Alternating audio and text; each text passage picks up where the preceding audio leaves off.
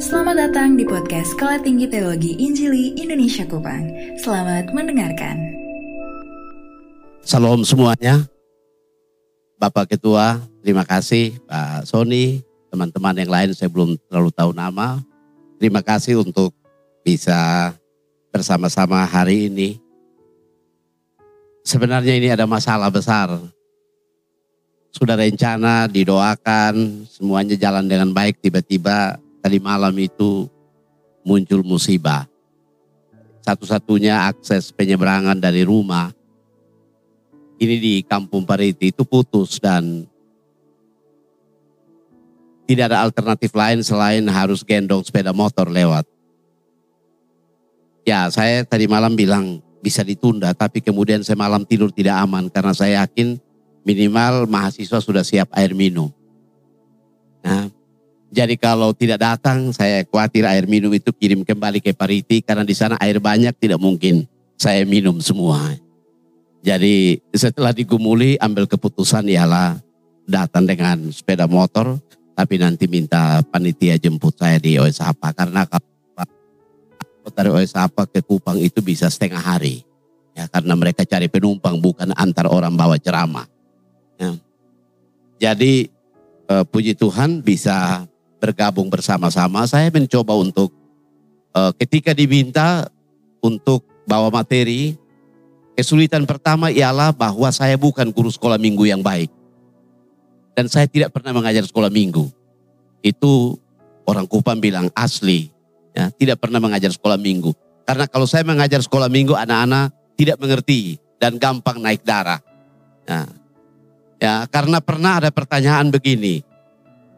Pak Nelman saya tidak percaya kalau Yunus itu ditelan ikan paus lalu muntah kembali. Yang lalu tapi saya mencoba untuk uh, kita saling berbagi, ya, uh, mencoba untuk saling berbagi.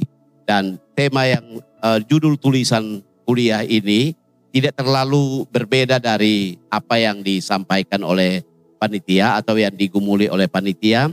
Uh, mungkin rumusan kalimatnya Kak. Robert Rikes, Bapak Guru Sekolah Minggu, relevansi pemikiran dan tindakannya bagi pelayanan sekolah minggu masa kini. Saya bikin judul agak encer sedikit supaya ini gampang dicerna. Nah, eh, yang pertama dulu ya, ini Raikes ya, saya tidak tahu siapa yang foto ya, karena waktu itu belum ada HP Android ya, ya, jadi tidak tahu ini eh, betul Raikes atau tidak ya, ya, betul Raikes atau tidak, tapi mari kita aminkan ini Raikes ya, ya, dia punya ciri khas yang paling menonjol adalah dia punya kepala itu pelontos seperti saya, ya. Ya, itu berarti bahwa ini dia ya orang bule betul ya. Sekarang kita mencoba untuk melihat pemikiran. Nah, saya mulai dulu. Rex ini adalah seorang dermawan. Suka memberi perpuluhan khususnya untuk para pendeta. Ya. Warga gereja Anglikan, ini setengah Katolik. Gereja Inggris, gerejanya Ratu Elizabeth, lahir 14 September tahun 1735 ya di Gloucester dari keluarga kaya. Ayahnya seorang anggota masyarakat yang terhormat dan terkenal sebab mereka punya jurnal atau koran sendiri. Ia lahir dari istri ketiga ayahnya sebab ayahnya mengalami dua kali masa duda. Puji Tuhan ya, dua kali masa duda dapat istri ketiga. Ya, dan dia anak dari istri ketiga. Saya baca, saya bilang ini jangan sampai di dia punya bapak, punya istri tiga orang. Oh ternyata tidak. Ya, Petua mengalami kematian istri dua kali. Jadi dia lahir dari anak yang ketiga. Ia menyelesaikan pendidikan dasar di sekolah milik gereja St. Mary de Cripe, tempat ia dibaptiskan. Setelah lulus pendidikan dasar pada usia 14 tahun, ia melanjutkan studi di sekolah katedral Gloucester dan suasana sekolah itu begitu ketat. Anak dididik dalam kurikulum klasik, ya bangun jam 6 pagi, awali dengan ibadah, baca mazmur, doa, renungan, nyanyian rohani, dan di sekolah itu mereka dituntut untuk harus kuasai paling tidak bahasa Inggris, Yunani, Latin, dan Perancis. Ini miris sekali. Anak-anak kecil dipaksa, wajib Padahal mereka apa usianya? Usia bermain. Bukan usia belajar. Dengan disiplin yang ketat seperti ini.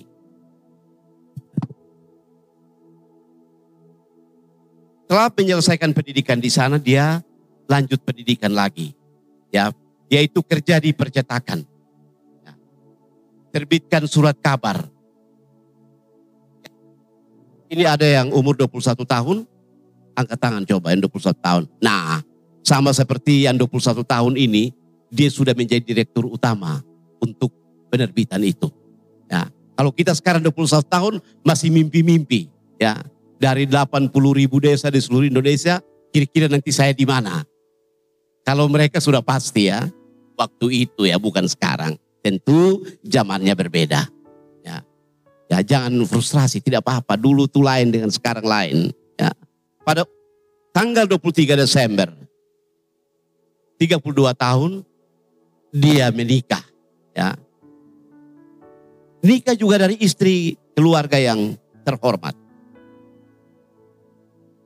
Tapi yang paling penting kita tidak bicara tentang keluarga Raikes. Itu sedikit gambaran supaya tahu dia punya orang. Sama dengan tadi, kasih tahu bahwa saya orang Alor asli. Ya, tadi lupa kasih tahu, beta punya istri orang Sabu. Ya, dari Mesara. Ya, kalau ada orang Sabu Mesara di sini, Mesara, Lobohede. Ya, tapi kami tinggal di Kambaniru di Wengapu. Ya, saya juga punya teman Facebook ada mahasiswa di sini orang saya belum datang sudah berteman duluan.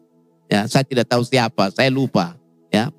Baik. Pada saat itu Inggris sedang terjadi krisis ekonomi yang sangat hebat. Teman-teman tahu waktu itu ada satu gerakan besar di abad 18 yang namanya revolusi industri. Revolusi industri itu pengertiannya sederhana. Orang beralih dari industri pertanian, kerajinan tangan kepada mesin. Karena begitu ada penemuan mesin uap, ya, maka semua proses yang tadi-tadinya manual yang menggunakan tenaga kerja manusia itu sontak berganti menjadi tenaga mesin lalu terjadi banyak pengangguran. Terjadi banyak pengangguran. Dan akibat pengangguran ialah banyak orang kehilangan pekerjaan.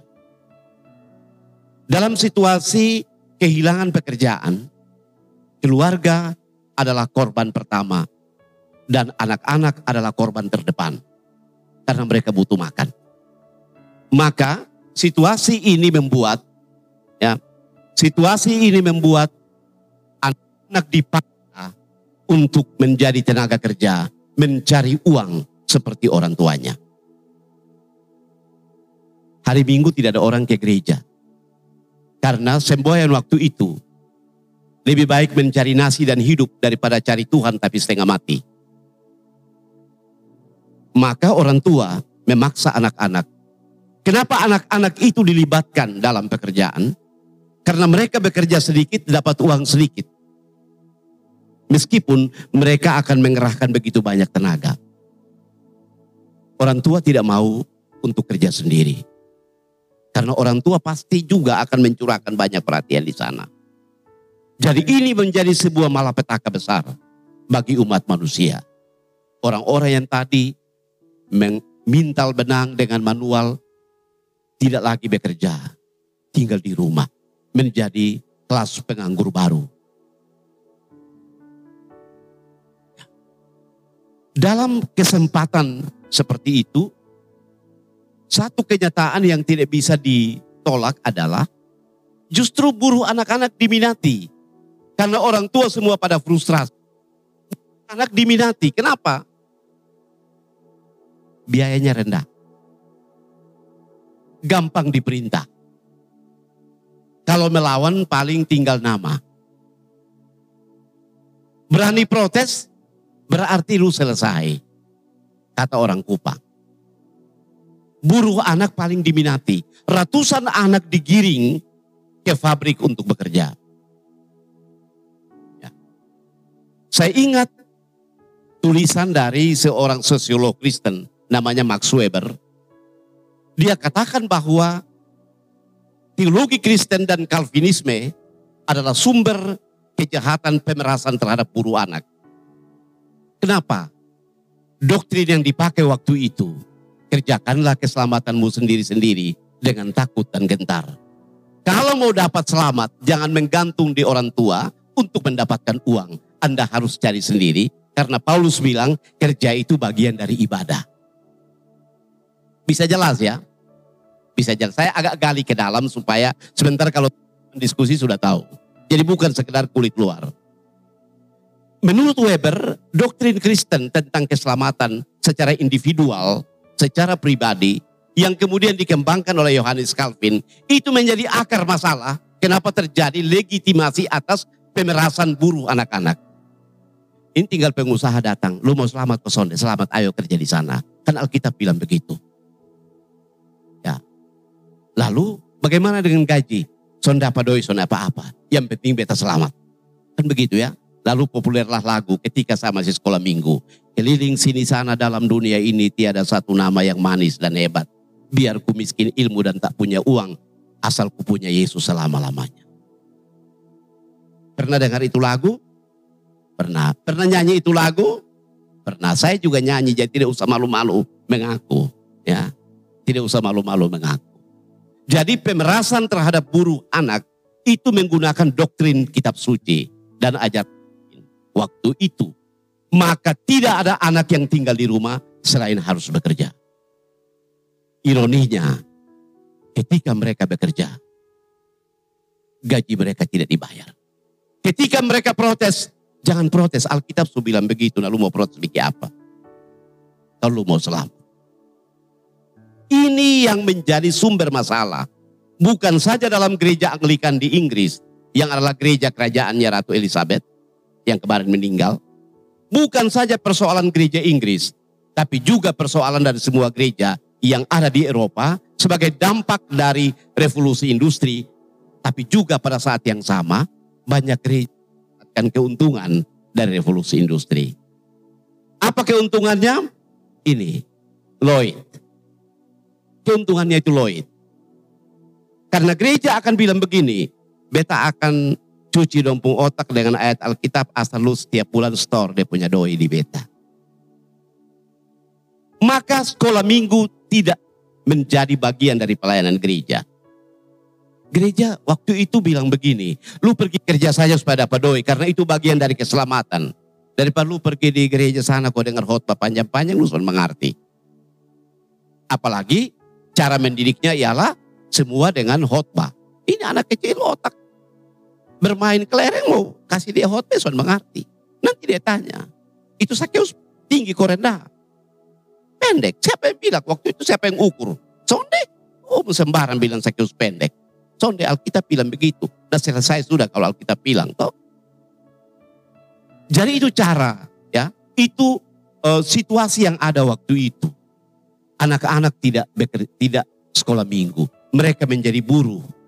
Pengusaha mendapatkan buruh dengan upah murah meriah.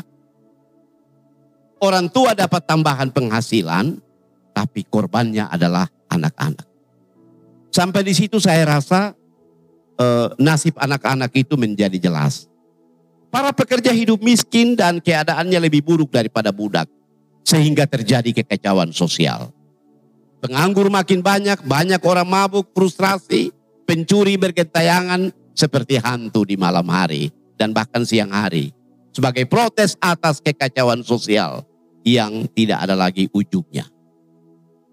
Ada yang menyebut bahwa sistem pemerintahan waktu itu adalah ohlokrasi. Negara itu dipimpin oleh para perampok. Sistem pemerintahan ohlokrasi.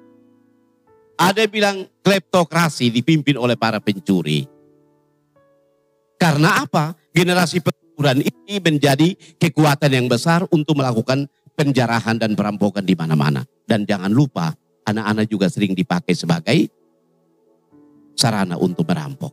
Pengemis merajalela di mana-mana. Kemiskinan akibat revolusi industri berdampak pada terhadap dunia pendidikan. Banyak anak terpaksa putus sekolah, bekerja, bekerja dari hari Senin sampai Sabtu. Hari Minggu itu hari libur bagi anak. Karena itu mereka bisa senang-senang pergi duduk di jalan. Ya. Kayak anak pang yang sekarang gitu ya. duduk-duduk di ember toko, ya mereka menjadi anak-anak yang sangat liar, ya minum dan berkelakuan berbagai macam kejahatan. Nah ini teman-teman lihat sini ada ditayangkan saja tuh model-model mesin waktu itu. Lalu apa yang terjadi? Realitas sosial ini membuat Rijks tidak hidup tenang.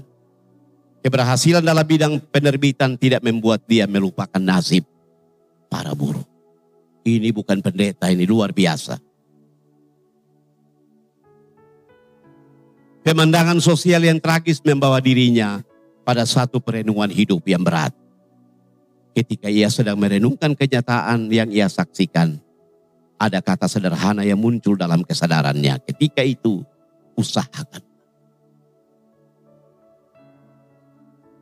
You must be do something. Anda harus berusaha untuk melakukan sesuatu. Tidak boleh diam. Kata itu menggelisahkan dirinya. Tapi akhirnya ia sadar bahwa kata itu adalah sebuah panggilan Tuhan. Untuk berbuat sesuatu dalam pelayanan. Meskipun dia bukan seorang pendeta. Dari pelayanan anak ini, Inggris tidak hanya diselamatkan dari revolusi sosial, tapi juga dari generasi yang tidak mengenal Tuhan. Sementara orang masih kebingungan mencari alternatif pemecahan masalah bagi anak nakal. Ya, Rijks memiliki ide yang cemerlang di benaknya.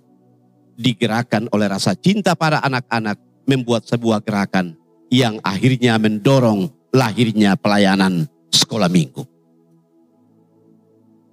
Dengan beberapa teman, Rijks mencoba melakukan pendekatan kepada anak-anak. Mengundang mereka berkumpul di sebuah dapur milik Ibu Meredith di Scotty, LA. Di sana ia mendapat makanan, anak-anak itu diajarkan sopan santun, baca tulis. Lalu yang paling penting, mereka diberikan kesempatan untuk membaca Alkitab. Belajar firman Tuhan. Dan ini tidak mudah. Tang bukan hanya mereka yang pakaian rapi, tapi yang pakaian kotor, jorok. Ada yang tidak pakai baju, ada yang datang dengan badan terluka, subau. Jadi jangan membayangkan sekolah minggu pertama itu penuh dengan orang-orang yang berpakaian rapi. Tidak, itu Anda dan saya keliru.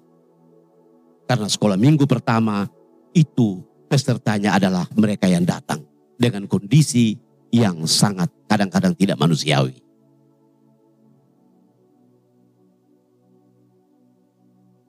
Namun dengan cara pendidikan disiplin.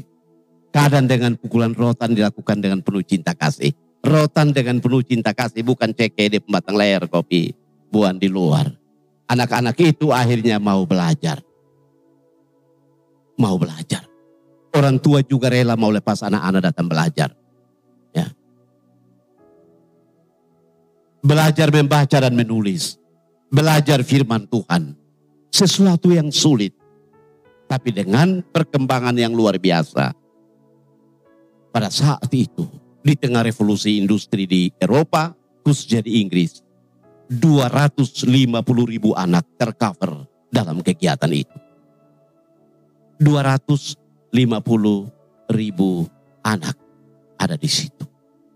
Hmm, sebentar nanti saya tanya kira-kira di gereja Anda, anak-anak berapa banyak dan berapa persen yang tercover di sekolah minggu.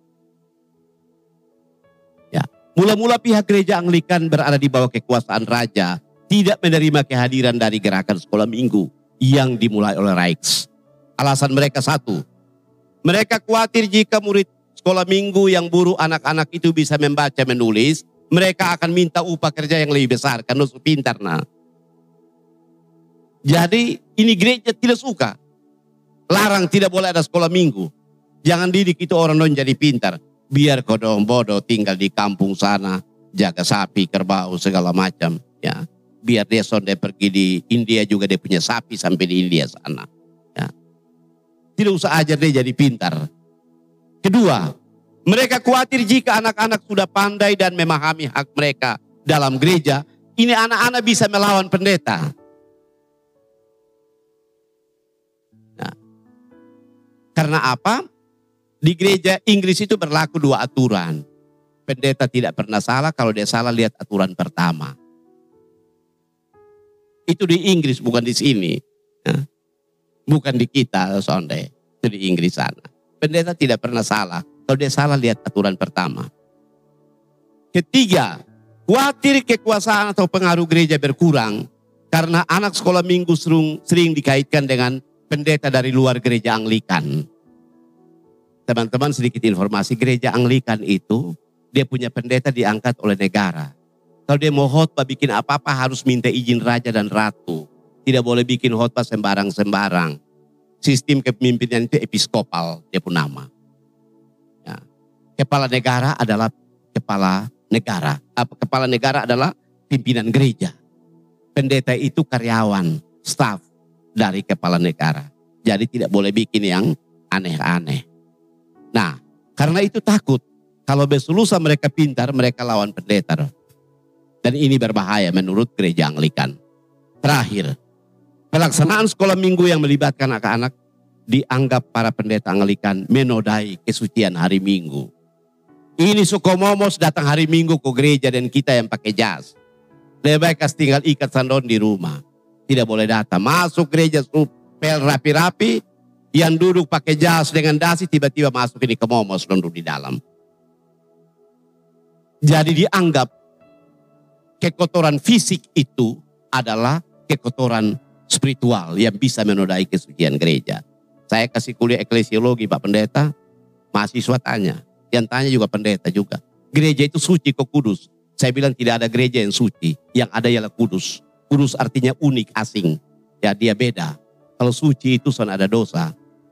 Nah, itu gereja itu kudus, bukan suci. Ya ini orang Anglikan bilang, ini anak-anak nanti bikin kotor gereja. Menodai kesucian hari Minggu. Ya. Nah, saudara-saudara ini ada ilustrasi ya. Tapi di tengah-tengah tantangan itu ada tangan-tangan yang menopang. Karena kegigihan menulis berbagai publikasi, kekuatan pers waktu itu luar biasa. Dia tulis di koran-koran bahwa gereja ini tidak mau atau gereja anti sekolah minggu. Ini orang luar biasa. Dia sebarkan koran di mana-mana. Eh, ini kami di gereja Anglikan masalah besar karena gereja tidak suka sekolah minggu. Lebih suka peras ini anak-anak jadi buruh. Anda tahu kekuatan pers itu luar biasa sejak abad ke-18. Sama kayak sekarang toh, sedikit-sedikit berita online. Dulu belum ada berita online. Tapi ketika koran itu dicetak dengan oplah yang besar, dan disiarkan ke mana-mana, maka orang menjadi takut. Kekuatan pers luar biasa. Nanti kita tanya Pak Sony. Betul kok Sonde, kekuatan pers luar biasa ya. Itu bilang pilar keempat dari demokrasi. Jadi Raikes ini tidak ditolong oleh pendeta gereja Anglikan. Dia justru ditolong oleh John Wesley. John Wesley ini Orang yang tidak suka dengan gereja Anglikan lalu keluar dari gereja Anglikan. Bentuk gereja metodis. Dia pun sekolah yang beta mengajar. Dia, dia keluar dari gereja Anglikan. Kenapa? Menurut dia, ini gereja Anglikannya hanya urus kursi. Tahu kursi toh? Ini kursi yang begitu. Ah. Dan biasa urus kursi. Mau pokoknya urus kursi. Dong urus kursi, siapa yang jadi kepala. Dong urus itu, ribut, urus dia pun doi. Akhirnya lupa urus anak-anak, lupa urus pelayanan. Dia keluar, dia terlibat dalam ini gerakan Raikes. Akhirnya, ya, sampai pada meninggalnya Raikes tahun 1811, jumlah anak sekolah minggu di Inggris mencapai angka hampir setengah juta orang yang eksis dalam gereja. Anda lihat itu sesuatu perjuangan yang luar biasa.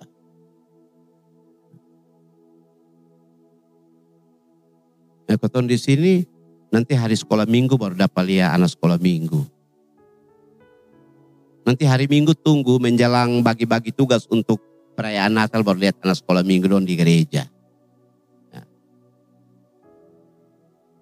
Nanti kalau soalnya ada sekolah, kegiatan begitu ada anak-anak. Dua kemungkinan orang tua bilang jangan pergi gereja karena surga su penuh, ya lu jangan pergi, ya. Atau anak-anak Ini mau pergi orang tua bilang eh, apa atau orang tua suruh jalan, anak-anak bilang sudah lah kau sudah ada pendeta semua mau jadi apa lagi di sekolah minggu. Tinggal tunggu kapan kesasi, kapan perjamuan dan seterusnya. Sekali lagi, Inggris diselamatkan. Tidak hanya dari revolusi sosial, tapi diselamatkan dari kehancuran spiritualitas sebuah generasi yang terancam hilang. Diselamatkan dari sebuah generasi yang terancam hilang.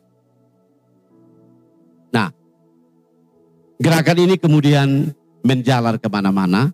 Saya tidak apa, tapi ada bukunya banyak. Ya, tapi saya mencoba melihat relevansi pemikiran sebagai uh, bagian kedua. Pertama, kita belajar dari Raikes. Sekolah minggu harus menjadi sebuah gerakan, movement. Gerakan yang harus muncul dari dalam gereja. Dan kepala gerakan itu adalah Yesus Kristus. Dia harus jadi gerakan. Tidak bisa jadi program, bikin program sekolah minggu, nanti pergi piknik di air terjun ONSU. Ya. Jalan-jalan pergi di Ragnamo, foto-foto selfie, datang inilah kegiatan sekolah minggu hari ini. Itu bukan gerakan, itu jelong-jelong. Tahu jelong-jelong? Itu bahasa helong. Ya, jelong-jelong dia punya nama. Sekolah minggu tidak boleh dibangun dengan dasar jelong-jelong kayak begitu. Ya. Dia harus menjadi sebuah movement, sebuah gerakan. Gerakan ini adalah gerakan peduli.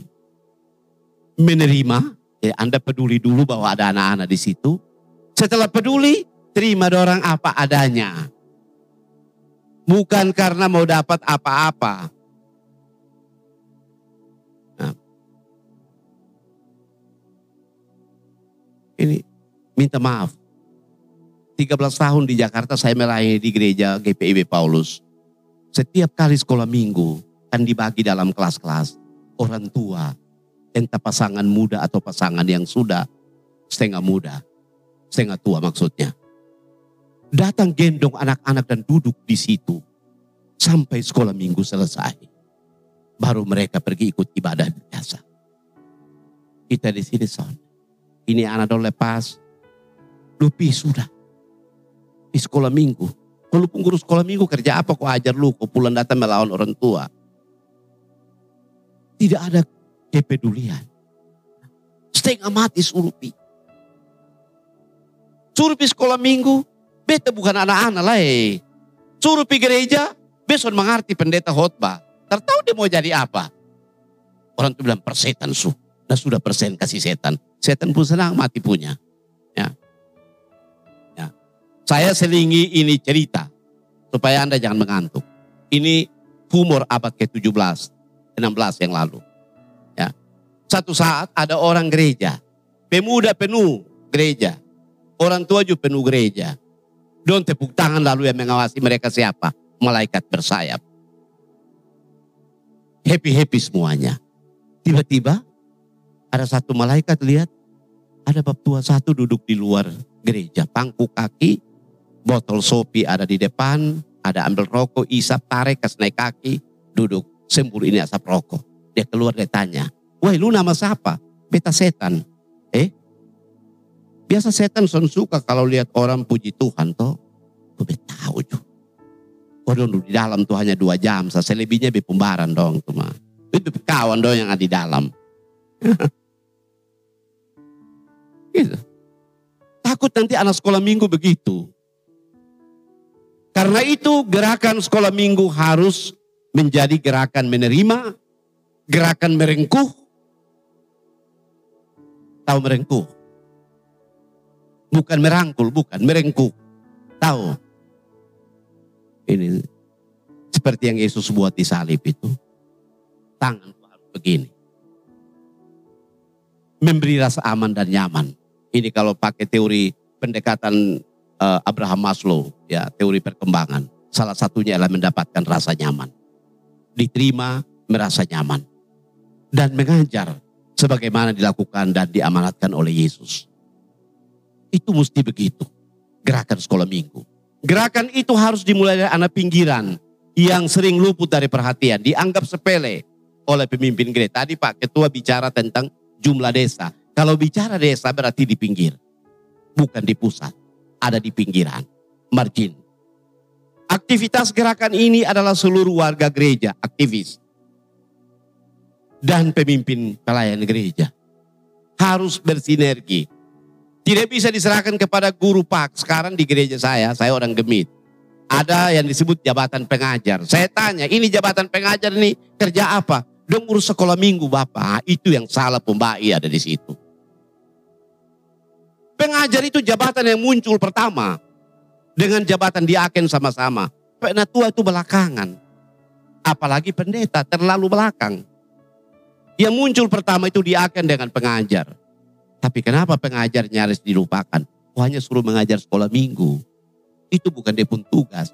Pengajar itu menjadi pengelola laboratorium pendidikan Kristen yang berkualitas dalam gereja. Dan itu harus dia pun orang dulu. Eh bukan Sonde itu hanya urusan mengajar pemuda dengan ini. Anak-anak sah. Oh begitu. Baik. Hmm. Yang terakhir. Metode belajar. Memberi teladan dalam suasana persahabatan. Anak-anak itu bukan objek yang diajar tapi subjek. Citra Allah. Karena mereka diciptakan segambar dengan Allah. Memiliki hak dan kewajiban yang sama dalam gereja. Ini saya omong ulang-ulang Pak Ketua kalau bicara anggaran rapat majelis, berapapun ketok. Bicara rapat perempuan gemit, ketok. Pemuda gemit, setengah ketok. Karena nanti lo cari uang sendiri. Tapi mulai bicara sekolah minggu lebah dalam gereja. Itu anak kecil kita sesek ngopi. Bikin kegiatan lagi. So dulu diam-diam di rumah. Bikin habis doisa. Maka guru sekolah minggu mulai jalan kontam banting dan Kasihan sekali. Ada perlakuan yang tidak adil dalam mengelola ya misi bagi anak-anak dalam gereja. Ya, marah, beta biasa omong lepas-lepas lah karena son mau tahu, biasa omong begitu sah. Ya, mau di Facebook di mana juga taruh. Ya, karena son ada kepentingan apa pun. Orang bebas begitu. Nah, nah saudara-saudara, sekarang saya masuk ke situasi kita. Kan relevansi berarti bicara situasi kita. Potret buram anak-anak sekarang. Ya. Meskipun berbeda zaman dan tempatan Raikes, namun dari sisi kenyataan sosial dan sikap gereja, kita melihat tiga kemiripan. Pertama, anak selalu menjadi korban dari kerusakan sosial sebagai akibat dari bencana alam, konflik politik, dan perang. Betul toh? Kemarin ini Cantika 77 tenggelam, terbakar. Ya, banyak anak selamat. Orang sampai tanya, kenapa ini anak-anak bisa selamat? Bagi saya ada tangan yang terselubung. Tangan yang tidak kelihatan. Tangan yang tersembunyi. Tangan Tuhan kan begitu. Orang tua lebih mengutamakan pekerjaan dan karir ketimbang mempersiapkan anak-anak menghadapi tantangan demi mewujudkan masa depan. Bahkan orang tua menjadikan anak-anak sebagai tenaga kerja yang mendatangkan uang. Boleh disebut mengeksploitasi anak. Banyak anak, banyak rezeki. Hmm. Salah satu mahasiswa saya, bimbingan saya menulis tentang uh, perubahan, uh, hilangnya fungsi meja makan dalam keluarga. Karena makanan juga pesan online. Bapak mama pi kantor ini Anas di rumah. Lu diam-diam di situ sebentar nanti gojek su antar ini makanan. Komunikasi dengan anak tidak jalan.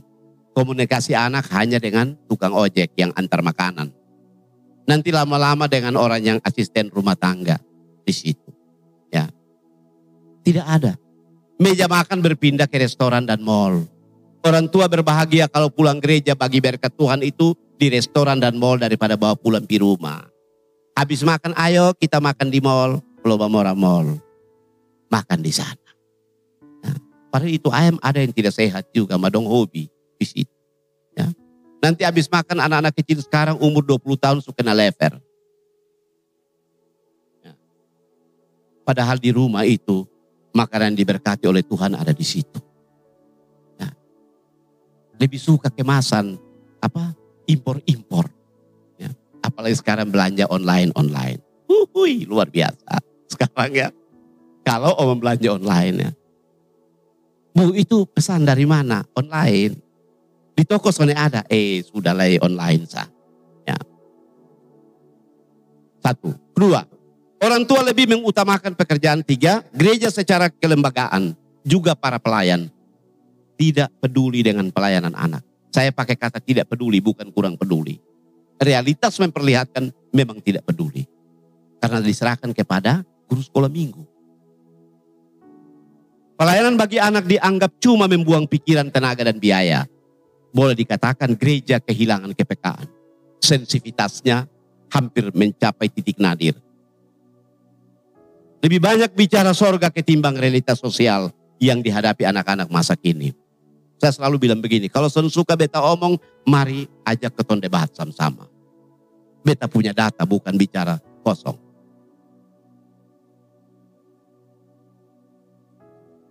Coba lihat ini anak-anak. Saya tunjuk Mantap toh. Tadi malam ini saya agak guyon sedikit ya. Tadi malam kebetulan ada warga kami yang uh, orang tua kami, Pak Sony kenal Pak Joni, meninggal. Lalu malam ketiga saya datang. Nah, ini cerita nyata. Ada anak kecil umur sekitar dua setengah atau tiga tahun duduk main HP, game. Sambil dia main HP, ibunya ambil ini punya mulut. Ini anak kecil. Saya pikir perempuan, tahu-tahu laki-laki. Rambut panjang sampai di sini. Sementara disuap, dia punya mama tanya begini. Adi, nasi masih di mulut kok. Dia tidak menyaut dia punya mama lihat begini. Dia bilang, kamu nanya.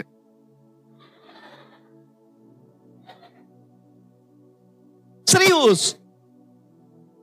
Serius. Saya pulang cerita di rumah. Ini kalau kenalan dalam rumah saya sudah tampil memang ya. Itu tren gaya bahasa gaul sekarang kan begitu yang di video. Diadopsi dari video, dari dari dari YouTube. Orang tua tanya baik-baik, adik nasi masih di mulut. Kamu nanya.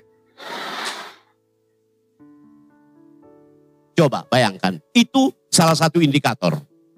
Betapa teknologi itu sudah meracuni sampai dalam pikiran dan perasaan anak-anak yang dalam proses pertumbuhan.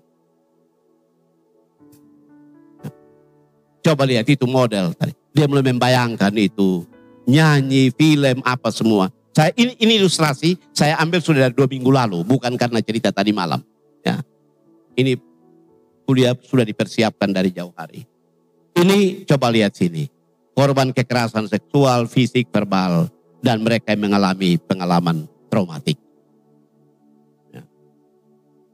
Ini gambar ilustrasi. Ya. Kita bisa lihat bagaimana orang bisa dengan seenaknya membantai anak-anak dan itu hanya dianggap sebagai persoalan statistik. Salah satu persoalan bagi bangsa kita ialah kematian anak-anak itu sering dianggap hanya sebagai bagian dari data statistik. Jumlah anak dalam gereja itu hanya statistik. Saya kalau mahasiswa bikin penelitian, mahasiswa S2 bikin penelitian, saya bilang, Anda pakai kualitatif atau kuantitatif? Kuanti. Oke. Kalau kuantitatif, anda akan mendewakan data itu dan melepaskan manusianya karena Anda berurusan dengan statistik. Jumlah yang meninggal, yang kawin baru, kawin tambah, ya lahir baru, lahir lama, sekian, begitu, itu persoalan angka. Dan Anda tinggal analisis lalu selesai. Anda lulus dengan gelar. Tapi kalau Anda menggunakan penelitian kualitas, akan melihat itu anak-anak sebagai manusia yang punya persoalan. Dan Anda bisa melakukan analisis secara lebih tajam supaya tahu duduk soal. Nah ini model-model begini. Ya.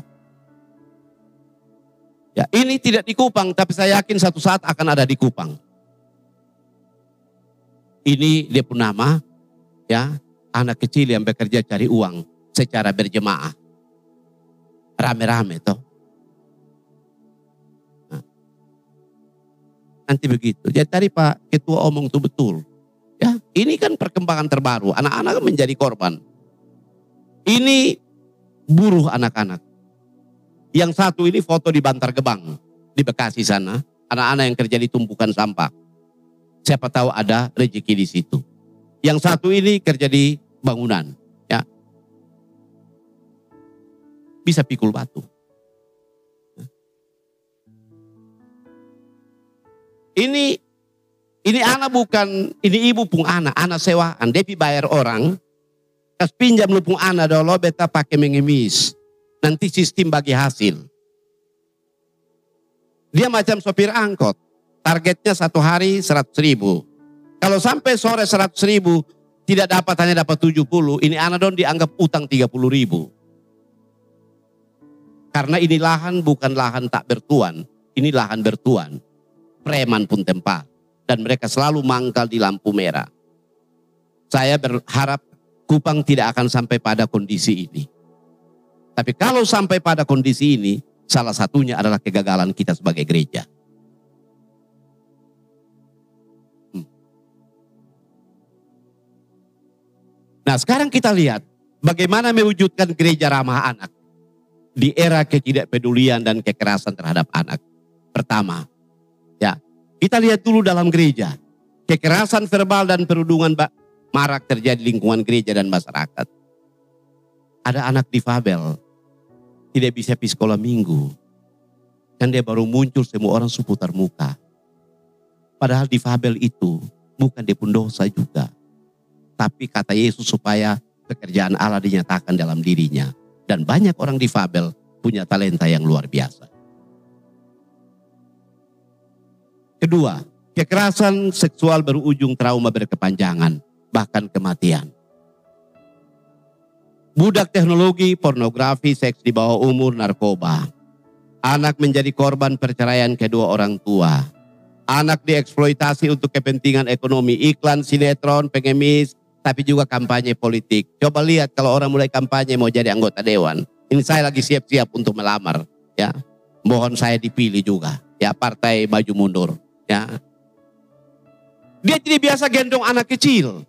Tapi begitu mau jadi bupati, mau jadi eh, wali kota, gubernur, dia masuk di pasar di tempat orang papalele yang kotor itu, diminta gendong ini anak kecil baru foto. Aduh, ini anak cantik sekali. Padahal ini anak rambutnya son sisir. Ya. Nanti setelah itu dia kalah, dia tidak akan pilih situ atau menang pun tidak akan ke situ. Betul kok Sonde? Betul. Ini menjadi korban politik anak-anak kecil. Disuruh goyang-goyang bento. Nah, disuruh goyang bento. Saya bilang begitu, mengerti bento itu artinya apa? Kan tahu bento itu benar-benar tolol. Ya. Bento itu benar-benar tolol. Iya.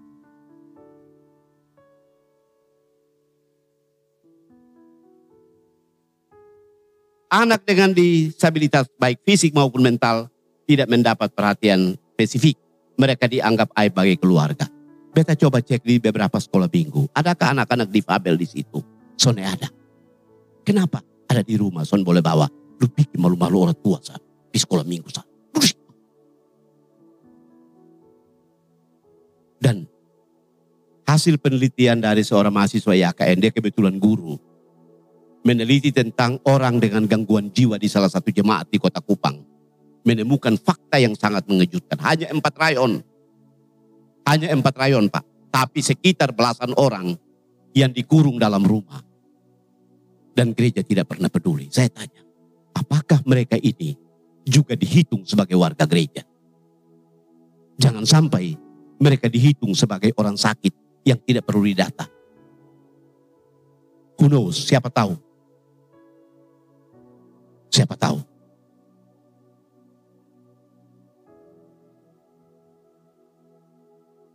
Beberapa gereja sering tidak peduli anak-anak. Mereka cenderung dianggap sebagai jemaat kelas 2. Maksudnya kelas 2, kelas di bawah, bukan kelas 2 SD, bukan.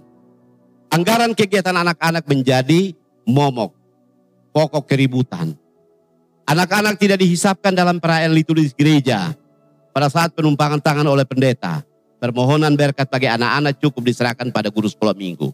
Saya melayani di satu gereja, gereja Mennonite. Ya, di Salatiga. Begitu selesai pimpin mau mengakhiri, dalam bagian ibadah dikatakan dipersilakan anak-anak sekolah minggu berdiri di depan mimbar. Mereka semua keluar datang di depan mimbar. Karena mereka belum dapat berkat di sekolah minggu. Setelah itu pendeta turun dari mimbar, pegang kepala mereka lalu memberkati mereka satu-satu. Baru mereka pulang. Itu tradisi gereja Mennonite. Keton di sini sonde. Kus, orang tua ada mau terima berkeposon jam beribut bisa. Ini melawan Alkitab betul. Yesus bilang biarkan anak-anak itu datang kepadaku. Potong usir sandom pada saat terima berkat. Bisa mengerti apa? Nah, beta omong karena beta juga pendeta ya. Jadi pernah melakukan dosa yang sama juga. Ya. Kaum difabel sering tidak terakomodir dalam ibadah sekolah minggu. Bila perlu tidak datang karena dianggap mengganggu suasana sekolah minggu. Padahal sebenarnya yang harus gereja lakukan ialah kalau mereka difabel, siapkan sarana dan prasarana. Kalau mereka tunarungu, harus ada audio untuk mereka. Beli sound system harga puluhan juta pak. Tapi untuk beli alat audio untuk anak-anak di Fabel itu tidak bisa. Saya selalu omong. Ini kalau gereja itu gereja Kristus. Yang mencintai anak-anak. Lalu kalau gereja yang tidak cinta anak-anak itu gereja milik siapa? Kan kemarin saya tulis status Facebook agak beda. Kalau Yesus itu cinta anak-anak. Lalu kalau kita tidak cinta anak-anak, sebenarnya kepada siapa kita melayani dan mengabdi?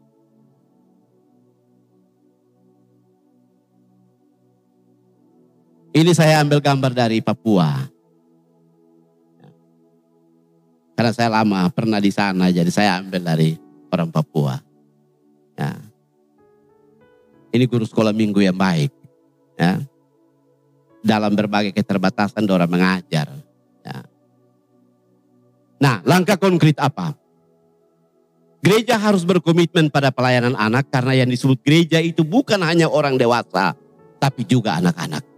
Jika merujuk pada kata-kata Yesus, biarkanlah anak-anak itu datang kepadaku, maka pernyataan itu harus dimengerti sebagai kritik atau teguran keras bagi para murid, sekaligus cara Yesus mengembalikan martabat anak-anak yang selama ini dibelenggu oleh lembaga agama, imam Yahudi, dan orang tua tanpa memberi mereka sedikit pun ruang untuk berekspresi.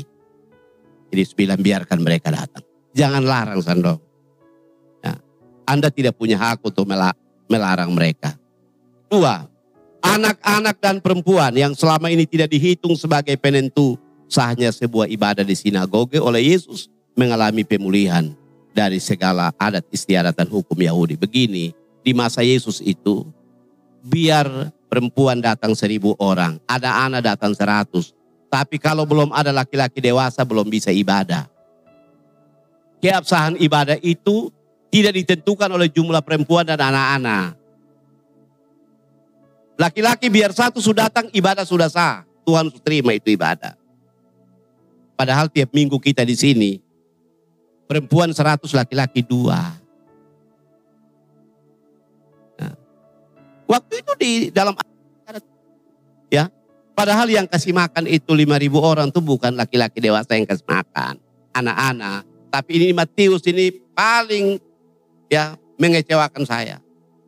Jumlah mereka ada 5000 orang, tidak termasuk perempuan dan anak-anak. Yang kenyang ditulis, tapi yang kasih makan tidak ditulis. Yang kasih roti apalagi tidak ditulis.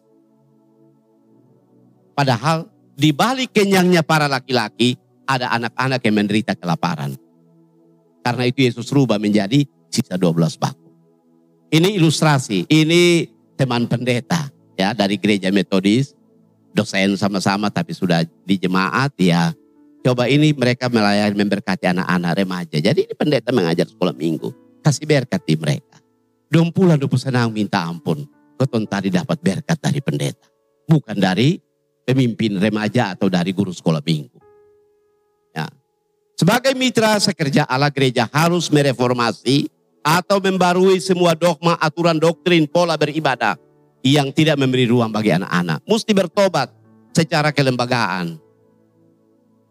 Perlu digumuli kembali sekolah minggu sebagai sebuah perayaan liturgis yang esensi kedudukan dan tujuannya sama dengan ibadah orang dewasa. tidak boleh dianaktirikan. Karena itu ucapan berkat dan penumpangan tangan pelayan harus diberlakukan juga bagi anak-anak sekolah minggu. Bukan diserahkan kepada kakak layan sekolah minggu.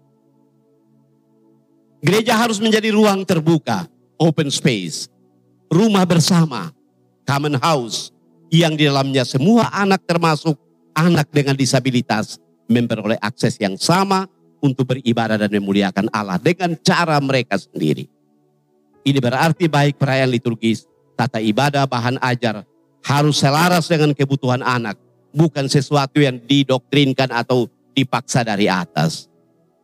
Saya kadang-kadang lihat miris, Pak Sony, mengajar sekolah minggu di Pariti bahan ajarnya dari GKI di Jawa sana.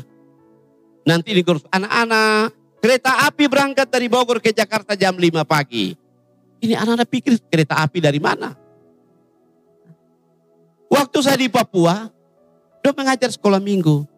Anak-anak, Yesus bercerita tentang domba yang hilang dan dia katakan, akulah gembala yang baik dan kamulah domba-dombanya. Ini anak bilang begini, eh orang di sini tidak ada domba yang ada babi.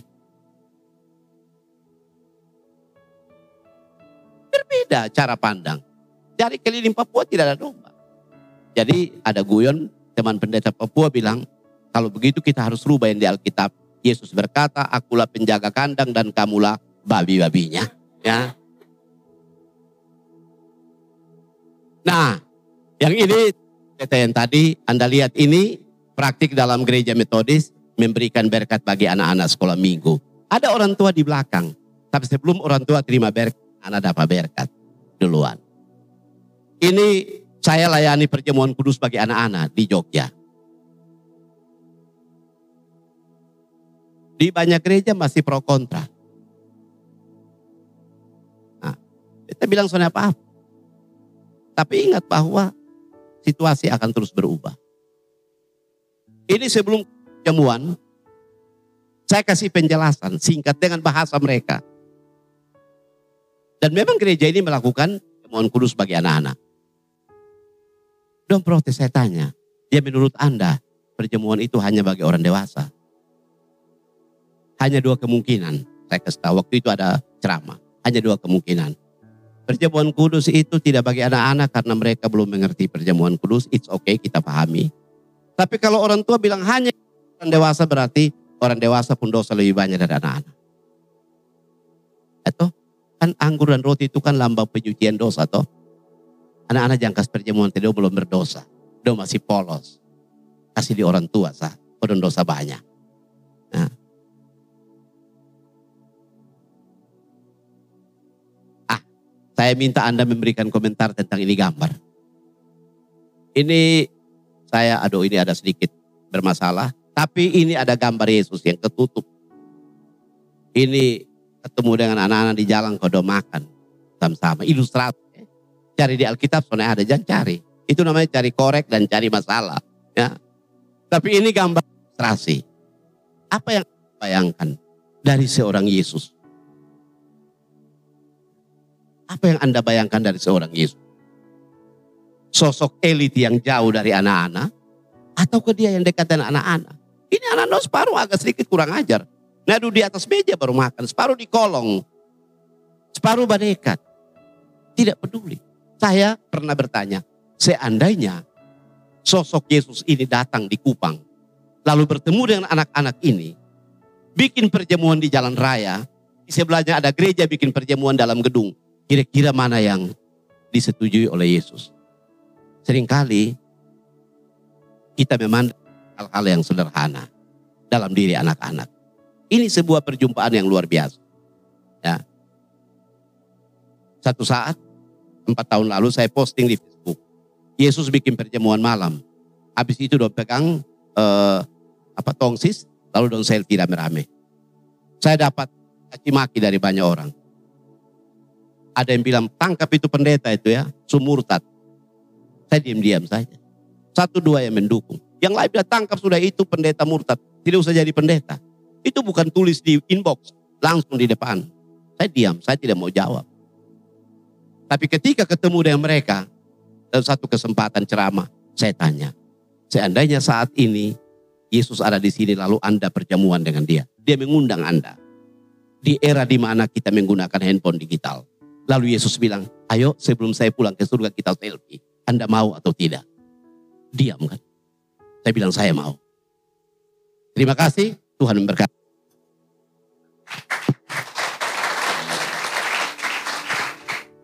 Baik, terima kasih Bapak buat pemaparan materinya bagi kita semua pada siang hari ini. Sekali lagi kita berikan aplaus bagi pembicara kita pada siang hari ini.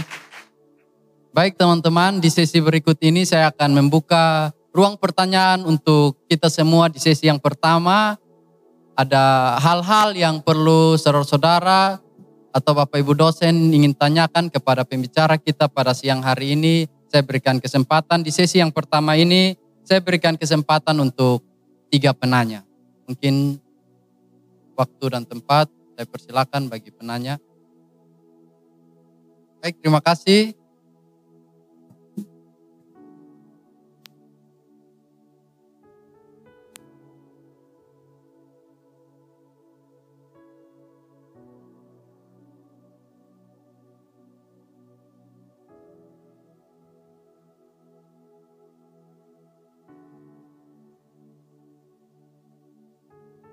Baik, shalom.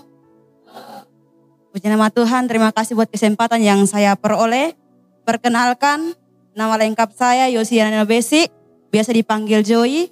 Saya asal dari kampus STT Abal Balat Kupang. Baik, saya akan bertanya, pertanyaan saya, bagaimana cara menghadapi anak yang mengalami gangguan mental dalam keluarga? Contohnya orang tuanya bercerai. Baik, terima kasih.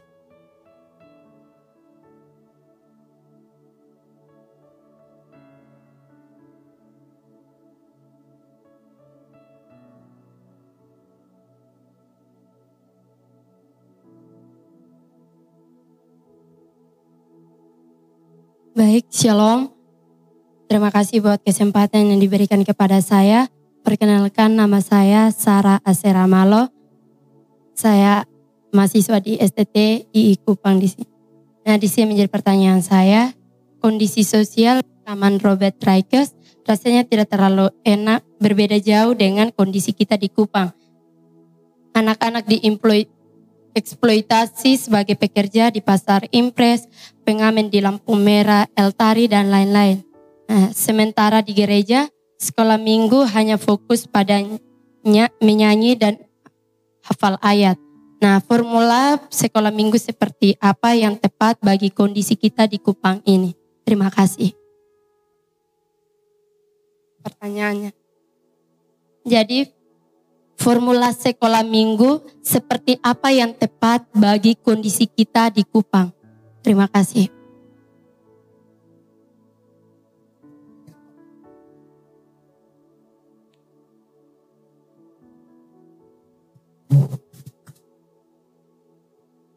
Baik, terima kasih. Uh, perkenalkan nama saya Wanda Yunia JK, saya uh, mahasiswa di kampus ini. Pertanyaannya, sekarang ini Kementerian Agama punya sekolah setingkat SD, SMP, SMA bernama SMTK. Kurikulumnya 60% teologi. Apakah kita dapat sebut ini sebagai jawaban atas kekurangan tenaga pengajar sekolah minggu sekolah minggu ataukah justru akan buat pemikir teologi lebih banyak dari pengajar di gereja? Terima kasih.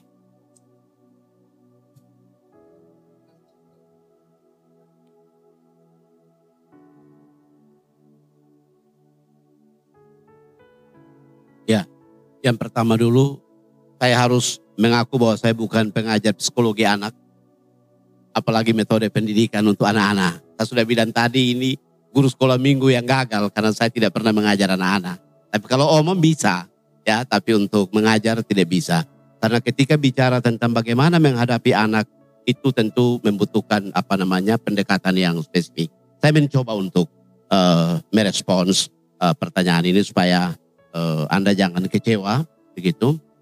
Uh, yang pertama bagaimana menghadapi anak dengan gangguan misalnya uh, disabilitas ya, gangguan mental. Ya dalam uh, apalagi menjadi korban perceraian orang tua. eh, saudara-saudara sekalian begini. Eh, pertama ialah bahwa kita harus akui dengan jujur bahwa disabilitas atau insan dengan difabel itu adalah sebuah realitas bukan saja realitas sosial tapi juga realitas bergereja. Mereka ada di dalam gereja, di sekitar kita dan asal usul mereka itu adalah dalam keluarga. Kami punya pengalaman sebenarnya. Ya, anak dengan difabel itu tinggal di rumah. Ya. Tinggal di rumah untuk beberapa tahun dan sekarang sudah menjadi staf khusus gubernur bidang disabilitas. Itu tinggal di rumah saya. Realitas yang terjadi dalam konstruksi sosial kita ialah keluarga bahkan orang tua sekalipun sering kali punya eh, apa sikap yang tidak peduli dengan mereka. Saya ambil contoh, ketika mereka minta untuk sekolah, hei ini anak mau bikin sekolah, kasih sekolah untuk apa? Sudah bodoh begini, sudah pembadan, sudah begini mau ke sekolah untuk apa? Tapi kalau Anda baca di berbagai testimoni di berita online atau di YouTube, banyak orang ketiadaan anggota tubuh secara lengkap. Tapi mereka punya keunikan yang Tuhan kasih untuk melakukan sesuatu perkara yang besar yang tidak bisa dilakukan oleh orang-orang dalam tanda petik normal. Itu gambaran umum, gambaran yang kedua persoalan atau tantangan paling besar ya, yang sering eh, apa yang yang yang harus kita atasi adalah melihat mereka yang difabel sebagai orang yang mengalami itu karena dosa orang tuanya atau dosa pribadi. Kita langsung menjas bahwa orang ini ini kemarin masih ada yang tanya, Pak, kalau yang mereka yang disabil, apa disabilitas itu dosa mereka atau dosa orang tua? Itu buka itu Yohanes 9 kau baca baik-baik. Jawaban Yesus. Jangan saya kasih jawaban. Anda tahu masalah paling besar bagi mereka adalah perundungan. Dibully. Tidak diterima. Dan satu lagi, anda menjadikan mereka sebagai objek belas kasihan. Jangan. Mereka tidak membutuhkan belas kasihan. Mereka butuh pengakuan Anda bahwa mereka ada di dalam rumah. Mereka adalah subjek. Dan itu yang paling sulit. Ketika saya memberi kuliah pendidikan Kristen dan perubahan sosial, saya menghadirkan para eh, satu atau dua orang yang difabel dan mereka memberi kuliah kepada mahasiswa S2. Waktu itu kalau saya omong nanti tidak utuh. Biar mereka yang bicara. Dia katakan apa? Masalah yang kami hadapi adalah satu, menggunakan kata tidak normal, itu kekerasan verbal. Kedua, cacat, itu kekerasan verbal dan menyakitkan. Ketiga ialah kesian ini orang eh. Itu kekerasan verbal karena ya mereka butuh bukan rasa kasihan bukan penghakiman. Apalagi. Bukan orang berdosa yang harus diselamatkan. Bukan. Yang mereka butuh adalah sebuah pengakuan. Pengakuan akan eksistensi mereka sebagai imago Dei, sebagai gambar Allah. Dan mereka ada bersama-sama dengan kita. Bukankah Yesus katakan, ya, mudah-mudahan saya tidak salah. Yohanes uh, Matius pasal 25 ayat 40 sampai 46. Intinya, segala sesuatu yang kamu lakukan bagi salah seorang saudaraku yang paling hina, kamu melakukannya untuk aku. Apa kesimpulannya? Di wajah mereka, dari diri mereka terpancar wajah Kristus. Anda setuju atau tidak? Maka perlakuan itu adalah mengakui, menerima keberadaan mereka. Dan itu dimulai dari keluarga. Kita perlu mengedukasi orang tua Ya, waktu saya masih kecil, ada orang yang difabel. Lalu jawaban orang tua saya, simple. biar saja begitu. Tapi ada tetangga mengatakan itu gara-gara ketawa orang yang difabel. Makanya waktu dia hamil, dia anak lahir nah difabel juga. Dulu tidak pakai kata difabel, cacat. Nah, kedua, kita harus mengedukasi orang tua dan bahkan gereja bahwa disabilitas itu bukan hanya disabilitas secara fisik. Tapi banyak orang yang normal secara fisik tapi sedang mengalami disabilitas mental. Setuju? Banyak orang mengalami disabilitas mental. Tahu dia punya bukti, saya kasih tunjuk. Saya selalu omong, pakai tua saya ini omong begitu sudah Bapak. Saya kasih bukti, di khotbah saya omong. Disabilitas disabilitas spiritual. Dia membukti begini Bapak. Potong khotbah di mimbar itu cinta kasih, pengampunan, keadilan. Dalam praktek sonde jalan itu disabilitas spiritual. Lebih parah dari disabilitas fisik. Jadi sebenarnya mana yang bermasalah? Disabilitas fisik atau mental? Kita ada sehat-sehat jalan ini, tapi jangan sampai kita adalah para ya pengidap disabilitas spiritual. Mau naik mimbar bilang, aduh kalau hanya berdoa saja khotbah sonde lancar. Ini beta mesti satu botol dulu baru bisa. Roh bisa bekerja. Itu roh kuda. Yang bekerja bukan roh kudus. Nah kita harus mengedukasi. Saya selalu omong. Gereja maupun keluarga harus diedukasi bahwa yang disebut dengan disabilitas itu bukan hanya disabilitas secara fisik, tapi juga disabilitas secara spiritual. Dan itu berpotensi dialami oleh siapa pun. Kalau pakai pendekatan ilmu jiwa, semua kita ini sakit jiwa, hanya kadarnya yang berbeda. Kalau orang duduk tongkat tagu sendiri-sendiri, tiba-tiba air mata meleleh, dia mengidap sakit jiwa, cuma kadarnya berbeda. Ya.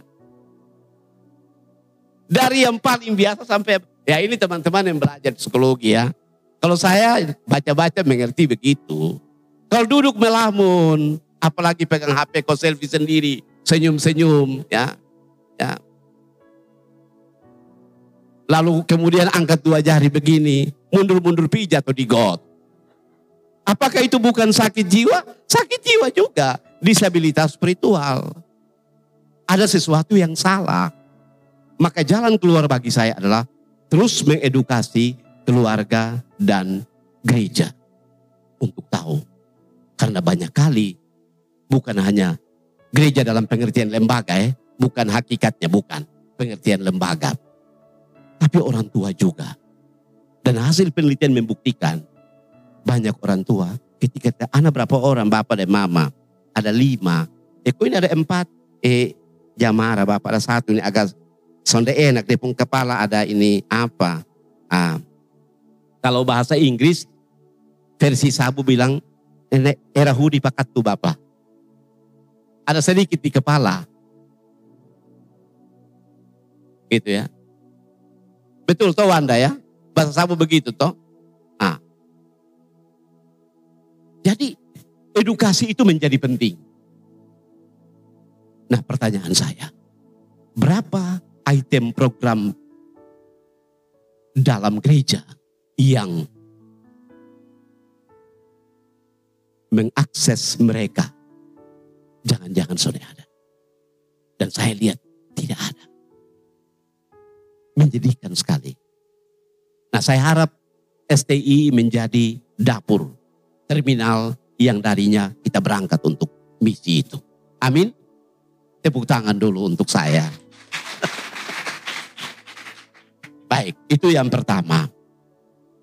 Kalau korban perceraian orang tua, eh nanti kita minta ini apa? Para pendeta yang urus. Ya, tidak tahu ini apakah mereka salah berkat atau tidak nanti tanya para pendeta. Tapi memang ini kan ini kecenderungan, ya kecenderungan mulai menjurus kepada ini, Pak. Saya ada bimbing satu pendeta menulis tesis. Judulnya adalah perkawinan antar umat berbeda keyakinan.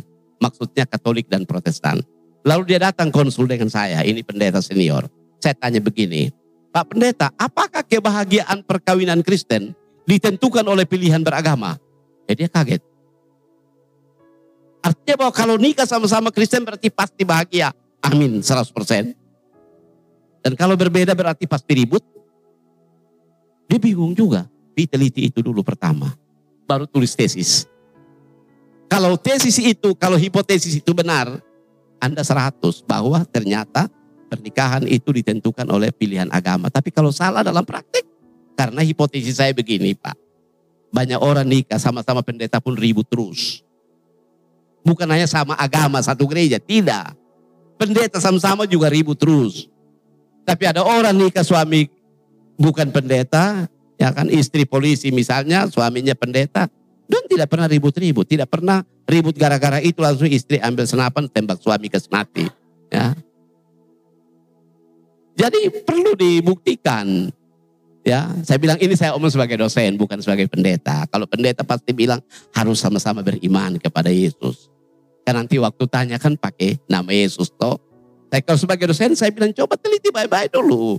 Apakah betul kebahagiaan itu ditentukan oleh pilihan keagamaan? Saya baca satu buku kecil Pak, sudah lama. Judulnya Kebahagiaan itu adalah sebuah pilihan. Karena itu untuk bahagia, berdamailah pertama-tama dengan dirimu sendiri. Damai dengan hati dulu. Supaya ada damai baru damai dengan orang lain. Jangan balik. Damai dengan Tuhan, dengan tetangga, tapi dengan hati Tuhan pernah berdamai. Itu namanya kalau tidak berdamai maka tali rafia pohon tomat bertindak. Ya, bunuh diri. Baik, ini dari Nona Amalo ya. Nona Amalo ya. Ini kondisi kita di Kupang formula sekolah minggu seperti apa? Yang pertama yang saya bilang tadi, sekolah minggu harus menjadi sebuah gerakan, movement. Itu berarti ada aktivitas konkret di sana. Dia bukan sekedar, kan kadang-kadang ibadah ini seremonial. Yang penting ada sekolah minggu kok. Eh bilang ada rapat majelis dan sekolah minggu batal. Selalu jadi korban. Ini sekolah minggu tidak jalan. Sonde Bapak ada bagi di rayon-rayon. Bikin apa di sana? Saya kadang-kadang sedih sekali. Ya, bukan nona malu kita semua. Ini pendeta sampai selesai periode tidak pernah tahu anak sekolah minggu berapa banyak. Asli. Ya. Asli. Sampai pindah. Bukan saja jemaat yang dia tidak kenal. Anak sekolah minggu pun dia tidak pernah tahu. Untuk anak sekolah minggu saya jawab, nanya. Ya,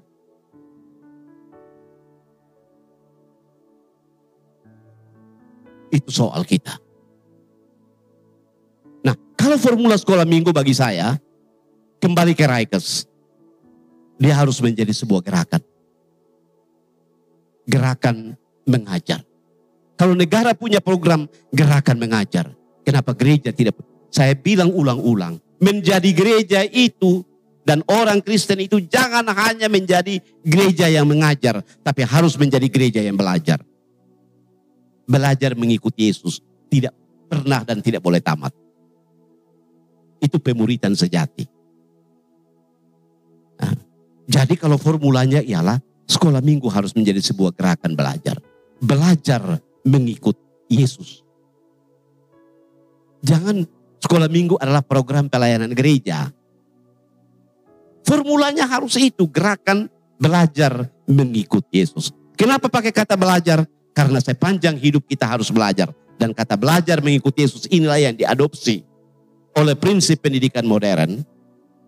Dari klasik sampai modern. Belajar sepanjang hayat. Long life education. Itu diambil dari pola ini. Jadi gereja harus mengadopsi itu. Nah pertanyaan kita, apakah sekarang sekolah minggu dalam gereja kita telah menjadi sebuah gerakan? Atau hanya menjadi bagian dari kesibukan gerejawi yang ritual seremonial. Ini guru sekolah minggu ambil dari anak yang masih SMA. Mau jadi apa? Ini anak SMA masih urus dia pun diri yang masih dalam taraf labil. Suruh pergi mengajar ini anak eh, SMA, apa anak SD dan SMP. Ya. Nanti dia pergi, ya anak-anak, ya cantikkah ibu kalian tengok hari ini? Kata orang Batak begitu ya. Bukan itu. Apalagi suruh laki-laki mengajar. Lebih susah lah kau mau kasih beta gaji berapa. Ini bukan gerakan. Tipikal sebuah gerakan itu adalah sebuah komitmen. Kita punya roadmap, punya peta jalan. Sampai ini, ini Andron jadi apa? Jadi kalau tiba-tiba sampai habis katekesasi sini, datang kau minta surat pernyataan dari pendeta beta mau pindah di rumah sebelah di tetangga hari Jumat, jangan marah. Karena dasar yang diletakkan itu salah. Kalau dari kecil pendidikan imannya itu kuat, saya yakin mereka tidak akan mudah goyah. Tapi kalau sonde, jangan harap. Jangan harap. Nanti dia bilang, yang penting beta bahagia. Titik di situ. Lalu dia bikin, bahagia adalah hidup dengan dia walaupun tidak makan dan minum. Makan itu cinta sudah toh. Ya. Nah, jadi formulanya itu satu formula. Sekolah minggu harus menjadi sebuah movement. Tidak ada formula yang lain. Gerakan itu baru nanti dipecahkan. Mengajar, mendidik, merangkul, memahami, mendengar. Tapi dia harus menjadi sebuah gerakan. Pertanyaan kita, coba tanya para pendeta, tanya pemimpin gereja, gembala sidang. Sekolah minggu yang di sini ini, Bapak, Ibu, itu gerakan atau bagian dari program gereja. Saya, menurut saya, hanya menjadi lampiran dari program gereja. Kalau soalnya ada, soalnya apa-apa, itu anak dong. Nanti dong kesasi baru dong kenal Tuhan. Nah. Ya, saya bilang begini. Setelah saya belajar dari berbagai gereja, saya punya kesimpulan. Pertama, meningkatnya arus pindah keyakinan di kalangan anak-anak muda Kristen. Terjadi sesudah mereka mengaku percaya.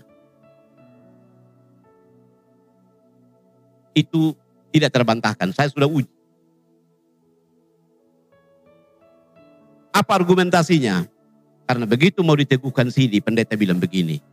Anak-anak, mulai besok kamu sudah bertanggung jawab atas imanmu sendiri. Orang tua sudah ikut campur lah. Itu argumentasi. Maka saya bilang begini. Seharusnya tanggung jawab orang tua itu bukan sampai pada saat dia peneguhan sini. Tapi sampai saat dia mengikrarkan janji nikah kalau dia mau nikah. Baru selesai di situ. Karena ternyata pindah itu sesudah dia peneguhan sini. Kemarin peneguhan sini ini datang bilang mama be mau pindah. Pindah pi sebelah iku ini Imran. Imran tuh siapa? Orang timur ke orang rote. Sonde Imran tuh tetangga sebelah di sana. Kok kenapa pindah? Eh kok besu bebas. Nah kok kemarin sudah lepas tanggung jawab. Nah sekarang beta mandiri toh. Hmm. Nah terkait dengan itu saya ingin eh, sebelum saya masuk di poin tiga, saya mau ungkapkan hasil penelitian dari seorang peneliti muda namanya David Kineman. Dia melakukan penelitian tahun eh, 9 2000 sekian, 15 tahun dia buat 10 tahun dia buat penelitian. Lalu hasil penelitian dia itu dia tulis dalam satu buku, judulnya You Lost Me, Anda Kehilangan Saya. Dan itu penelitian berfokus pada pemuda dan remaja. Dia mengungkapkan tiga jenis keterhilangan orang muda dalam gereja. Pertama, terdaftar secara statistik tapi tidak pernah aktif dalam gereja. Itu kehilangan pertama. Jangan dengar bilang orang lempar pendeta perumah atau lempar gereja. Ini hari dia pasang dada. Lu beta biar minum mabok tiap hari lu jangan coba-coba urus bepeng gereja. Itu tipe pertama. Statistik terdaftar tidak pernah aktif dalam kegiatan. Kedua, statistik terdaftar tapi dia punya hati sudah lain orang. Pakai istilah lagu, sudah pindah ke lain hati. Ini dia punya nama tercatat di gereja A. Tiap minggu tidak pernah gereja di gereja A. Dia ikut grup vokal di gereja B. Pengalaman saya nanti waktu dia mati, pendeta yang datang 10 orang. Semua mengaku dia pun jemaat. Ini anak satu orang mas kerja di 10 gereja. Jadi buang undi siapa pendeta yang punya hak kubur ini anak. Buang undi pergi pendeta Nelman yang dapat. Lalu saya yang kubur. Yang lain kasih doa syafaat. Itu hasil penelitian. Terdaftar secara statistik tapi dia punya napas jiwa don suli lain orang. Saya harap mahasiswa di sini soal begitu. Ya. Yang ketiga adalah tidak terdaftar juga hanya nama saja yang orang Kristen, pemuda Kristen, aktif juga tidak. Nanti kalau dia butuh gereja itu kalau satu mau nikah, mau baptis anak, mati. Baru cari pendeta. Itu hasil penelitian David Kineman. Jadi beta omong berdasarkan data. Begitu. Anda bisa terjemahkan ini sampai di orang dewasa pun tetap valid. Ini hasil penelitian. Jadi itu formulanya supaya orang jangan pindah ke lain hati. Seperti yang cerita tadi. Supaya secara statistik jangan mereka tercatat tapi tidak pernah ada di gereja. Ya. Maka sekolah minggu harus menjadi gerakan. Itu harus. Bagi saya gerakan itu adalah sebuah eh, apa sebuah transformasi yang harus terjadi dalam gereja. Mentransformasi sekolah minggu dari sekedar lampiran dalam kegiatan gereja menjadi sebuah gerakan. Karena itu menjadi laboratorium fondasi bagi generasi gereja. Nah bangun rumah Yesus bilang kalau di atas pasir banjir datang, pariti lewat. Ya, karena soalnya ada batu nah. Tapi kalau bangun di atas batu karang kayak di sini, mau apa? Oh, banjir mau naik soalnya ontong dapat di STI sini. Dasarnya batu karang. Pakai ilustrasi yang sederhana. Yang ketiga, um, ini Kemenak buka sekolah teologi ya terlalu banyak-banyak. Tahun 2014 saya terlibat dalam evaluasi uh, hasil penelitian ITB Bogor atas penugasan Kementerian Agama Bimas Kristen. Waktu itu Ibu Odita masih dirjen. Pertemuan di Bogor, lalu saya mewakili STT Jakarta. Kemudian kita mengevaluasi uh, korelasi antara munculnya denominasi baru dengan pertambahan sekolah-sekolah Kristen.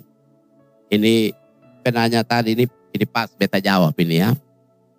Jadi semua rame-rame bilang begini, ini gara-gara Kementerian Agama buka sekolah teologi banyak, tamat tidak ada gereja, dia buka gereja baru. Maka munculnya banyak denominasi. Rata-rata begitu. Karena yang teliti bukan orang Kristen. Yang teliti orang Muslim yang teliti. Katanya supaya hasil penelitiannya independen. Ya, kami waktu itu satu tim dengan Pak Pontus Sitorus yang kemarin ya, Dirjen Pendidikan Tinggi. Saya terlibat banyak dalam diskusi waktu itu. Lalu kemudian saya katakan begini, ini Kementerian Agama juga tolong lihat-lihat dulu masalah kurikulum. Ya. Ya. Oke, sekarang kita bersyukur karena tema moderasi beragama menjadi dominan. Ya. Tapi kalau semua mulai dari sekolah teologi menengah di mana-mana muncul sebagai persiapan kemudian orang masuk teologi. Maka pertanyaannya sebenarnya adalah apakah kuafadis kurikulum pendidikan teologi? Apakah kurikulum pendidikan teologi ini menjadi porsi dari Kementerian Agama? Atau dia menjadi porsi karena teologi itu sifatnya umum tapi konteks itu lokal tidak bisa disangkali. Apakah eh, prinsip yang dianut di Kementerian Agama tingkat pusat itu otomatis dianggap relevan dengan pergumulan yang ada di STII? Tidak menurut saya. Hasil penyelidik diskusi kita bilang tidak, tidak bisa begitu. Karena prinsip yang kita anut adalah think globally but act locally. Artinya apa? Berpikirnya secara global tapi bertindak harus lokal. Karena konteks itu sangat memberi bentuk bagi siapa yang kita didik. Tidak mungkin kita mengadopsi sesuatu yang dari luar. Jadi Saya tidak tahu ini berurusan dengan pemerintah. Ceritanya panjang. Ya, ceritanya panjang. Nah, saya tidak mau masuk di situ. Ya, nanti kita omong lagi sebentar bilang su ambil orang pun porsi. Ya, tapi saya pikir perlu ada keseimbangan. Aliran teologi kita ini ada tiga sebenarnya. Aliran teologi pertama itu aliran teologi Marta. Tahu Marta? Ada nama Marta di sini? Tidak ada puji Tuhan ya, tidak ada Marta di sini. Ya. Aliran teologi Marta itu dalam kisah penginjil. Dia hanya urus dapur. Sibuk terus urusin dapur. Karena Yesus datang bertamu di rumah toh. Ini banyak sekolah teologi. Banyak gereja. Dia pun sibuk hanya urus ini. Doi. Urus lembaga Nanti dong ribut-ribut. Tidak lama dong coba pisah.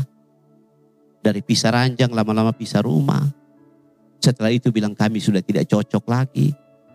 Lalu mereka bilang ini semua pekerjaan roh kudus. Terakhir di situ toh kasih legitimasi teologi Alkitabiah. Itu model Marta. Kalau model Maria, siang hari malam dia hanya berdoa, urus surga terus. Sama kayak ini hari supi. Padahal dia masih dalam dunia. Yesus bilang berdoa dan bekerja, dia hanya urus berdoa. Dan suruh kerja, dia bilang, sonde kerja itu dosa. Hanya urus berdoa. Sama kayak Maria, duduk terus. Lu udah kata Yesus pungkat. Son salah. Lu di situ sibuk di dapur, dua-dua betul. Tapi perlu ada keseimbangan antara Marta dan Maria. Yang sekarang kita butuh adalah gereja yang melayani secara seimbang. Antara jasmani dan rohani. Yesus yang Tuhan saja butuh makan dan minum. Dia butuh bendahara. Apalagi kita yang masih dalam dunia ini. Masa tidak butuh itu. Jadi berteologi dalam keseimbangan. Nah itu yang kita dorong sekarang. Bagaimana supaya persetia merumuskan kurikulum yang seimbang antara konteks pergumulan kita yang tadi Bapak Ketua bilang di desa-desa itu dengan prinsip-prinsip kita dalam berteologi. Ya. Kalau sekolah teologi hanya, hanya tiap hari ajar bagaimana mengelola uang, bagaimana cara memimpin, ah itu lewat. Itu pasti Marta Pung Temando. Nanti dia punya kurikulum berdoa hanya 25 persen sah. Lip service. Poles bibit. Sudah tahu bahwa itu milik gereja. Ada yang omong tiap hari. Pokoknya yang penting surga. Para Yesus sendiri tidak omong surga. Itu kerajaan Allah dalam pengertian Yesus adalah ketika orang lapar makan. Sembuh dari sakit. Itu kerajaan Allah. Jadi jangan duduk semua. Nanti rame-rame ke tompi di sana. Kapan mau pergi? Nanti mati baru pito. Selagi hidup kerja dulu. Paulus bilang begini. Karena bagiku hidup adalah Kristus dan mati adalah keuntungan. Jangan stop di situ. Lanjut. Tapi jika aku harus hidup di dunia ini, itu berarti bagiku bekerja dan memberi buah. Itu baru lengkap itu ayat. Betul toh? Baca jangan sepotong-sepotong. Jangan lewat di pung koma itu. Jangan bikin koma di itu titik. Eh, titik di itu koma. Lalu bilang hidup adalah Kristus, mati adalah untung. Lanjut. Tapi jika aku harus hidup di dunia ini, itu berarti bagiku bekerja dan memberi buah. Saya kira itu saja. Terima kasih moderator.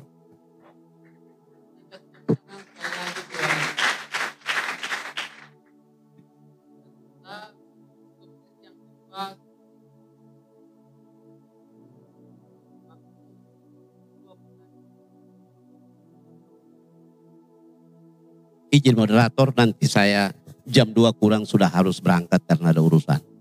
Ya, urusan pribadi tapi saya kasih ingat memang. Baik, terima kasih. Mungkin langsung mic diberikan. Salam, perkenalkan nama saya Kiki. Saya asal dari STTI Indonesia Kupang. Pertanyaan saya mengenai revolusi industri, Pak. Apa dampak revolusi industri bagi kehidupan ekonomi anak. Terima kasih Pak. Baik, terima kasih. Dilanjutkan ke penanya yang berikut. Shalom. Perkenalkan nama saya Sumarlan Bakti Uli dari STI Kupang. Saya mau bertanya prinsip apa yang dapat diterapkan oleh seorang guru sekolah minggu di zaman ini jika dilihat daripada apa yang dilakukan oleh Robert Reinkes, Reinkes dan hal yang dapat diterapkan oleh anak-anak sekolah minggu dengan uh, kondisi mereka saat ini yang masih terbatas di dalam hal pemahaman agar dapat diseimbangkan dengan uh, ibadah dengan kaum dewasa sehingga anak-anak ini uh, tidak dibedakan. Terima kasih. Baik, terima kasih buat dua penanya dan selanjutnya kita akan mendengarkan jawaban dari narasumber kita. Baik, yang pertama dulu tentang dampak revolusi industri. Uh, ini ada dua. Kalau yang sekarang itu kan namanya revolusi industri apa ya, 4.0 ya. Ya, 5 ya, dan seterusnya. Saya tidak terlalu tahu. Uh, kami pernah bicara tentang era disrupsi, ya waktu ada diskusi. Memang Uh, yang pertama dulu, kalau dampak revolusi industri bagi anak-anak di Eropa waktu itu kan tadi saya sudah gambarkan ya. Tapi saya ingin melihat sebenarnya sebesar apakah uh, revolusi digital sekarang. Ya. Kan industri itu bagian dari uh, apa kemajuan secara dari teknologi apa digital. Begini, uh, saya kebetulan mengajar mata kuliah uh, apa ya perubahan sosial. Gini, ada satu kecenderungan yang terjadi ialah bahwa uh, uh, semua identitas kita itu diukur secara numerik. Ada kecenderungan. Nomor handphone pakai angka, akte kelahiran pakai angka, surat kematian pakai angka, gitu ya. Nomor telepon rumah pakai angka, meteran listrik pakai angka. Jadi ada uh, satu apa situasi di mana yang saya maksudkan adalah bahwa hakikat jati diri manusia, nilai diri manusia sebagai imago Dei itu sudah dikalkulasi dengan angka. Maka saya bilang tadi, anak-anak menjadi sekedar data statistik. Berbagai macam kasus yang menimpa anak-anak sudah dihitung secara statistikal. Artinya bahwa orang tidak melihat lagi bahwa itu sebagai uh, apa namanya kan uh,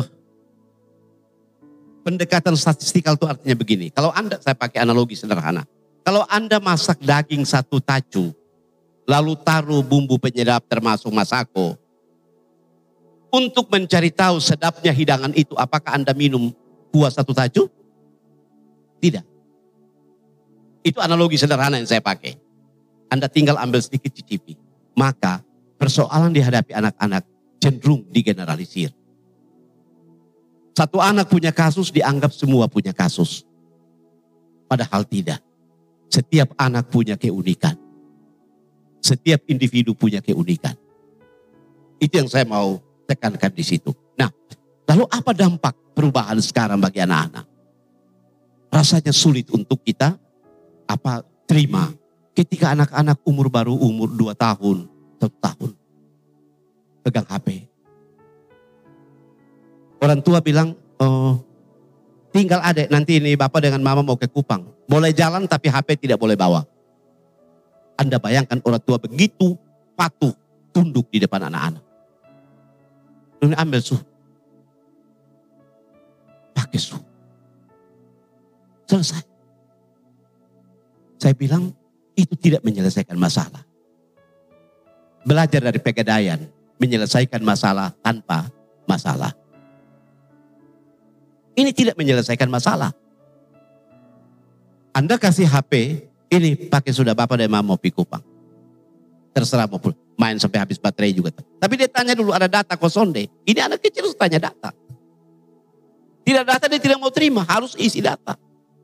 Nah Anda berhadapan dengan perkembangan yang model seperti ini. Dampaknya. Karena itu selalu saya katakan kalau Anda bicara tentang budaya, maka tidak hanya bicara tentang budaya tradisional, tapi sudah harus bicara tentang budaya populer. yang membawa kita semua generasi ini memasuki ruang-ruang virtual, ya, ruang-ruang tanpa batas. Ya, ruang-ruang tanpa batas.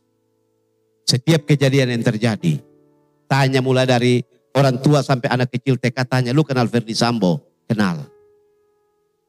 Kenal Susi? Kenal. Semua mereka tahu. Implikasinya bagi anak-anak ialah bahwa mereka sedang memegang pisau bermata dua. Pisau bermata dua. Saya bilang begini, tadi saya omong agak guyon ya. Saya khawatir Anda pergi mengajar sekolah minggu, Anda tanya anak-anak, anak-anak sudah bisa ibadah? Nanya gue. Tanya siapa? Dulu begitu ditanya jawabannya adalah omondeng. Itu siapa? Anak-anak. Ya. Oleh karena itu menurut hemat saya, yang harus dilakukan adalah paling utama adalah edukasi. Dan itu harus dimulai dalam keluarga tapi juga dalam gereja. Saya kadang-kadang miris. Ini orang lo turun, habis khotbah turun dari mimbar. Berdiri kok selfie. Pakai dengan pakaian jabatan.